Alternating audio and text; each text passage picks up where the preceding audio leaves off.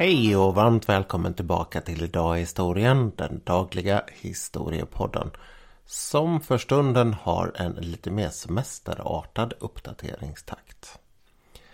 Jag heter som alltid Nils Hjort och idag så ska vi be oss tillbaka till den 17 juli 1793. Den här dagen så är det en ung kvinna som sitter i ett fängelse i Paris och när hon i godan ro, höll på att säga, men i alla fall i hyfsad lugn och ro sitter där och blir avmålad så kommer det in en man som får henne att snurra runt och utropa Quoi de chat? Vilket på franska betyder ungefär Va? Redan?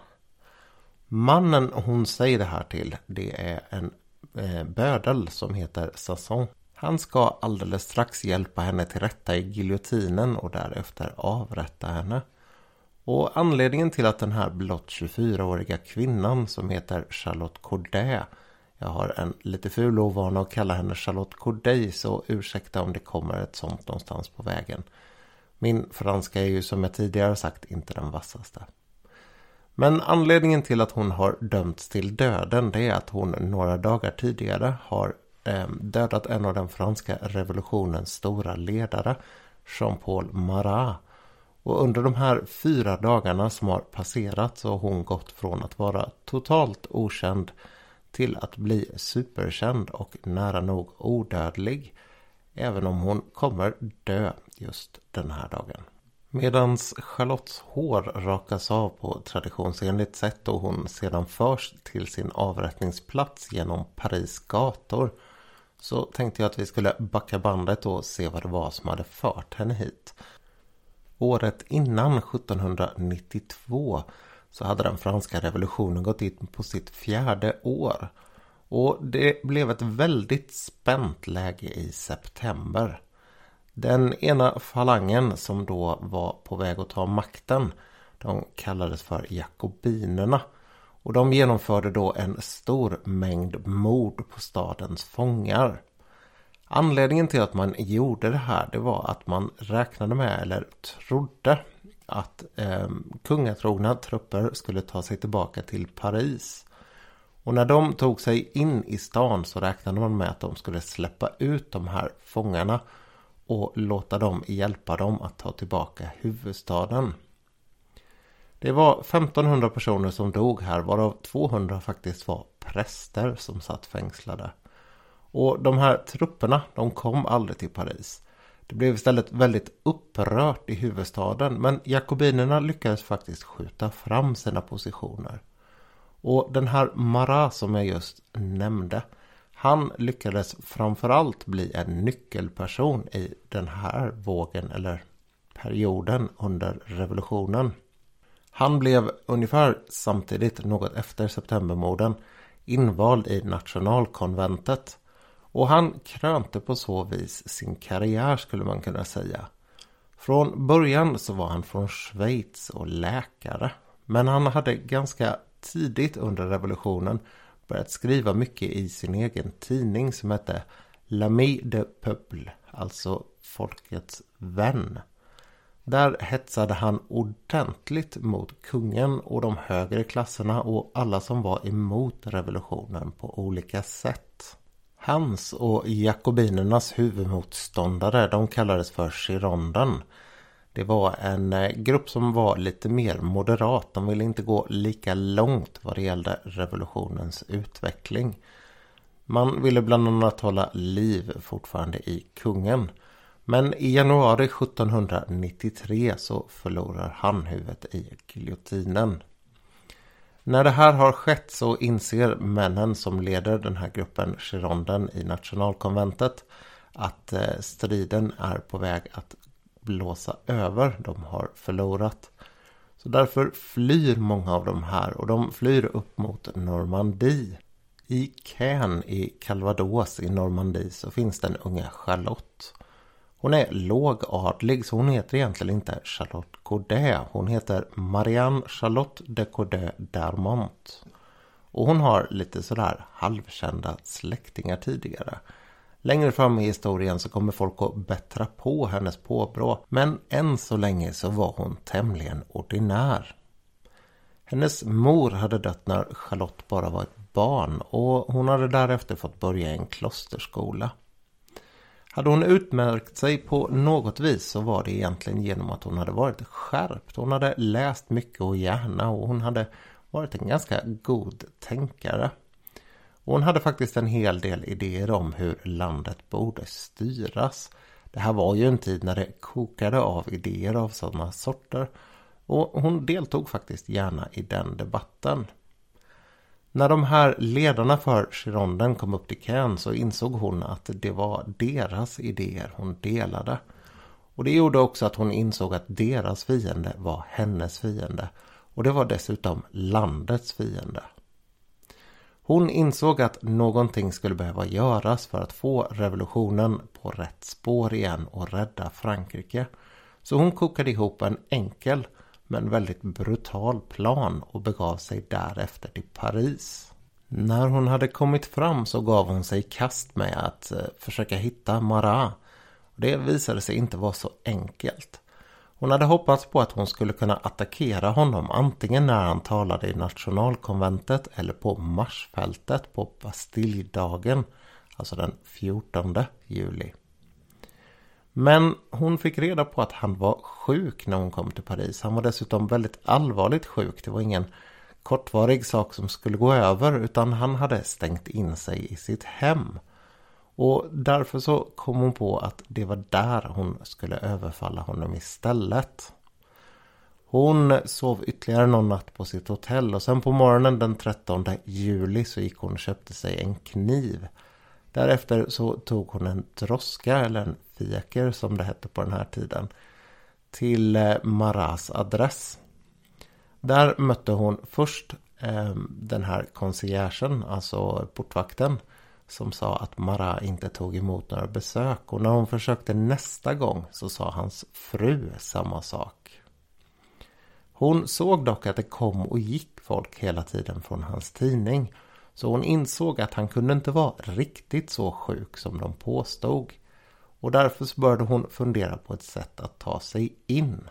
När hon hade kommit på hur hon skulle få kontakt med Marat så återvände hon fort till sitt hotellrum där skrev hon ihop ett brev där hon berättade att hon var från Caen och att hon hade mött flera av Girondens ledare. Hon hade nu kommit till Paris för att hjälpa Marat och jakobinerna och hon kunde avslöja väldigt väl vad de hade för planer och vilka som fanns var. Det här brevet det postade hon sedan med en form av post som kom fram samma dag, någonting liknande Stadsbuden tror jag i Stockholm. Brevet det nådde Mara och några timmar senare så skulle hon komma dit. Men det här var inte det enda brevet hon hade skrivit. Därför att Charlotte hon visste att hon aldrig någonsin skulle överleva den här attacken. Och det verkar faktiskt inte som att hon var särskilt sugen på att göra det höll jag på att säga. Men hon, ja, hon gjorde sig inga som helst illusioner för hur det skulle gå. Hon hade därför skrivit ett brev som var i lika delar en deklaration till folket och ett avskedsbrev. Och det finns en passage där i där hon förklarar att hon väljer att döda en för att rädda hundratusen. Det här är någonting hon senare skulle komma tillbaka till under rättegången. Men där är vi inte riktigt än. När hon för tredje gången försökte ta sig in hos Mara så gick det betydligt enklare. Hon blev visad till hans rum och upptäckte till sin fasa att det var en ganska obehaglig syn där inne. Det var en eh, tunn och febrig man som satt i ett badkar som delvis var täckt av tygstycken. Själv så hade han en stor huvudduk och satt med en skrivskiva i knät för att kunna arbeta. Vattnet i badet det hade en renande och läkande blandning och det lär ha luktat en hel del av vinäger. Överallt på de delarna som hon såg av hans kropp så fanns det stora och väldigt illaluktande inflammerade sår. Den här sjukdomen som Maral led av den hade han förmodligen fått när han gömde sig för sina motståndare tidigare under revolutionen. För han tillbringade då en ganska lång tid i kloakerna. Jag skulle faktiskt inte vilja veta vad det var och framförallt inte drabbas av detsamma. Och i ett sånt här läge så får man väl vara ganska tacksam för vår moderna sjukvård. I vilket fall som helst. Charlotte hon satte sig ner på en pall längst uppe vid hans huvudända och sen började hon att berätta. Hon svarade väldigt bra på alla hans frågor och när hon var klar så sa han att det här var väldigt bra information. Jag kommer snart att ha dem alla avrättade. Charlotte reste sig i det här läget upp, plockade fram sin kniv och med ett hugg så drev hon den rakt igenom hans bröst och hjärta.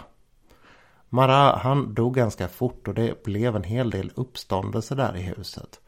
Men Charlotte hon satte sig lugnt och sansat ner och väntade på att bli gripen. Det första förhöret med Charlotte det genomfördes på plats i Marats hus. Och både det och ett andra förhör finns bevarat. Det ryktas delvis att det ska ha funnits ett tredje förhör men det finns i sådana fall inte kvar. Inte ordagrant nedskrivet i varje fall. Utan olika syftningar till det bara. Hon skulle ganska snabbt driva igenom det här som skulle kallas en förundersökning idag. Sen ställas inför rätta och eh, bli dömd till döden. Hon lyckades faktiskt charma en hel del folk på vägen här. Hennes advokat har efteråt sagt att det var ingenting i de porträtt och olika avbilder av henne, eh, skulpturer och sådär, som lyckades fånga hur extremt charmig den här flickan var. Dessutom så det här att hon lyckades bli avmålad det var därför att den mannen som hade hand om det hela, någon form av statsåklagare antar jag. Han var också ganska hänförd av henne. I grund och botten så handlade det här nog inte särskilt mycket om hennes utseende. Utan bara det faktum att hon var en ung kvinna från landet. För det första så hade ju Frankrike vid den här tiden knappast blivit så enat som det var utan det fanns fortfarande en väldigt stor splittring regionalt och det fanns dessutom en väldigt stor språklig splittring i Frankrike i nästan 125 år till efter det här. Dessutom det här med att hon var kvinna. Även om den franska revolutionen på väldigt många sätt drev på för jämlikhet och sådär så räknade man inte med att kvinnor skulle kunna göra en sån här sak. Charlotte hon sa själv istället att hon hade visat att kvinnorna från Calvados de kunde handla med fasthet. Och hon var en ganska stolt lantflicka vad man vet. Det hela har gjort att även eh, jakobinernas män, de har kallat henne för den fantastiska flickan fler än en gång. Och det är ganska intressant. Hon dödar en av deras största ledare, en av nyckelpersonerna. Och ändå är de så hänförda av vad hon har gjort. Det här ledde naturligtvis till att det blev väldigt mycket uppståndelse och särskilt så eftersom mördaren var en ung flicka. Och det blev en omfattande ryktespridning. Bland annat så började man ganska tidigt diskutera om det inte var så att det hade varit en frisör hos henne medan hon väntade på svar från Mara. Och den här historien är väldigt känd. Det ska ha kommit dit en man och pudrat upp hennes hår, eller två män egentligen. En frisör och hans eh, medhjälpare. Det här, det går inte att bevisa på något sätt. Han är inte förhörd, hans medhjälpare är inte förhörd och det finns inga andra vittnesmål som stödjer det hela från hotellet. Utan snarare så handlar det här om att man börjar politisera händelsen väldigt tidigt. Och just det här med att pudra håret, man gjorde det med mjöl, är någonting som är väldigt tydligt kopplat till den gamla regimen. Det var dessutom någonting som var otroligt slösaktigt. Man räknar med att pudrandet av hår i Frankrike vid den här tiden motsvarade, eller det påstås i alla fall av någon vid den här tiden, ha varit mat för 10 000 personer som försvann i eh, en liten del av adens hår. Det är en ganska bisarr tanke. Ett annat sånt här rykte som tidigt uppstod kring Charlotte det var att hon skulle ha haft en svart hatt med gröna band i. Och den här gröna färgen den var väldigt kopplad också då till den gamla regimen och i det här läget då till den döde kungens bror. Han som fortfarande var det stora hotet för att kunna återinföra kungamakten. Det är också oklart om hon hade det eller inte. Hon hade rimligen en stor svart hatt på sig. Ehm, det tredje ryktet. Det är ett rykte som ger henne ett speciellt smeknamn. Hon skulle börja kallas för Judit från Calvados i tidningarna. Och anledningen till det här den är ganska invecklad. Det påstås att när man undersökte hennes bostad där hemma i Cannes så låg hennes bibel uppslag, uppslagen på kapitlet om Judit. Och Judit hon sminkade sig och gjorde i ordning innan hon gav sig iväg och mördade Holofern. Det här ska då vara en liknelse till vad Charlotte gjorde och då blir den här historien om frisören som kom dit och gjorde i ordning henne innan hon mördade Mara väldigt mycket viktigare, eller vad man ska säga, för att passa in det till den här svekfulla Judit i Bibeln. Vad vi istället vet med säkerhet kring den här perioden, de här fyra dagarna som hon levde och blev väldigt hårt granskad. Det är dels då att hon blev avmålad av en man som var fängelsevakt bland annat. En annan sak vi vet det är faktiskt att hon var oskuld. För det var väldigt viktigt ifall hon var det eller inte. Efter hon hade avrättats så tog hon, togs hon till ett bårhus och obducerades. Och då försökte man kolla det här så noga det gick. En av dem som är där ihop med sina elever och tittar på just det här. Det är David som senare ska måla av Mara när han mördas. Och den här tavlan den är ju väldigt, väldigt känd. Den är målad kort efter att den här mannen Hauer som målar, eller Auer heter han väl egentligen. Som målar den bilden på Charlotte Corday i fängelset har målat en andra bild av henne. Och man ser generellt den här Maras död som en bild som försöker ta tillbaka hjälten Marat. Därför att han tyckte då att den första bilden hade alldeles för mycket av Charlotte i sig. En annan sak vi vet är att ett eh, ytterligare öknamn hon fick det var Folkets fiende.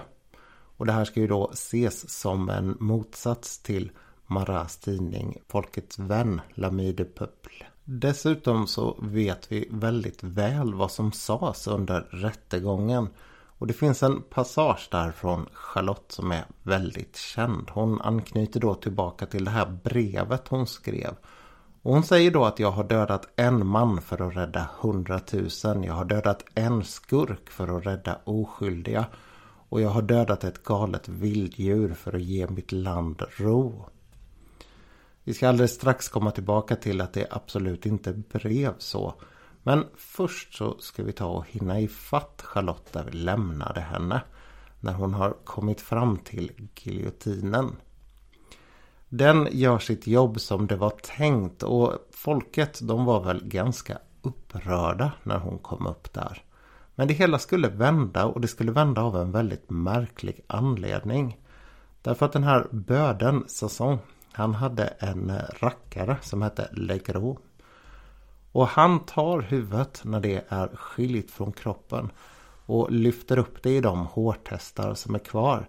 Samtidigt som han med den andra handen örfilar det. Och enligt vad som sägs så ska Charlottes huvud då, eller Charlottes ögon ha blinkat till och sen ska hon ha stirrat på honom och blivit högröd i ansiktet av ilska. Därefter så ska livet ha lämnat hennes huvud.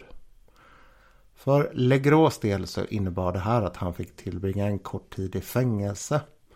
Men för vetenskapens del så innebar det här att man väldigt mycket började titta på ifall det faktiskt var så att huvudet kunde leva efter att det hade blivit avhugget. En av de mer kända historierna kring det här det är lite senare under den franska revolutionen när den kände vetenskapsmannen Lavoisier fördes upp och halshöggs i en giljotin. Han hade då bett sina lärjungar, eller vad man ska kalla dem, hans elever att noga studera hans huvud och räkna hur många gånger han blinkade åt dem. För Charlottes del så lär den här behandlingen ha lett till att folket faktiskt vände en aning i sin uppfattning om henne. De tyckte att det var fruktansvärt hur man kunde behandla hennes huvud på det här sättet. Trots det så misslyckades hon totalt med sitt lönnmord. Det blev snarare den motsatta effekten mot vad hon hade tänkt sig. Marat blev en sorts politisk martyr och våldet det eskalerade både i Paris och i resten av Frankrike efter det här. Jakobinerna drar ordentlig fart på sitt skräckvälde. Trots det så skulle den lilla brunetten fortsätta att fascinera världen. Som jag nämnde så är det väldigt många som börjar måla av henne väldigt fort och det är ganska fascinerande att se vad som händer.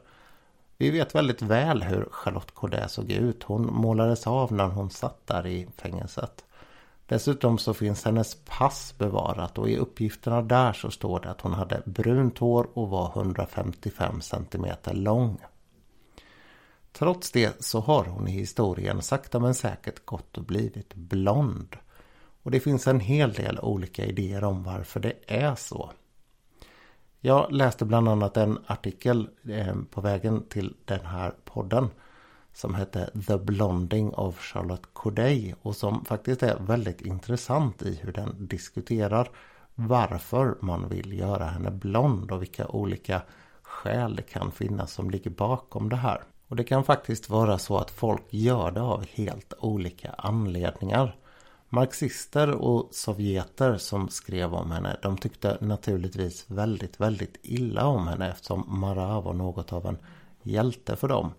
Och då vill de göra henne blond på så sätt visa att hon var någon form av överklasskopplad person. Blonda peruker och som jag sa tidigare pudrat hår var väldigt tydligt kopplat till rikedom, lyx och att försöka försköna sig på ett sätt som inte var folkligt och naturligt. Senare så skulle nazister börja blondera höll jag på att säga men skriva om henne som blond. Hon var ju då uppifrån Normandie så man räknade med att hon hade vikingablod och dessutom var släkt med Wilhelm Erövraren. Och i det här läget så bör hon också växa från sina 155 cm till att bli en väldigt stor och kraftfull kvinna. Jag måste medge att jag är ganska svag för sådana här historiska undersökningar som tar någonting av den här sorten och undersöker hur och varför det har förändrat sig på det här viset. Men nog om det och nog om Charlotte.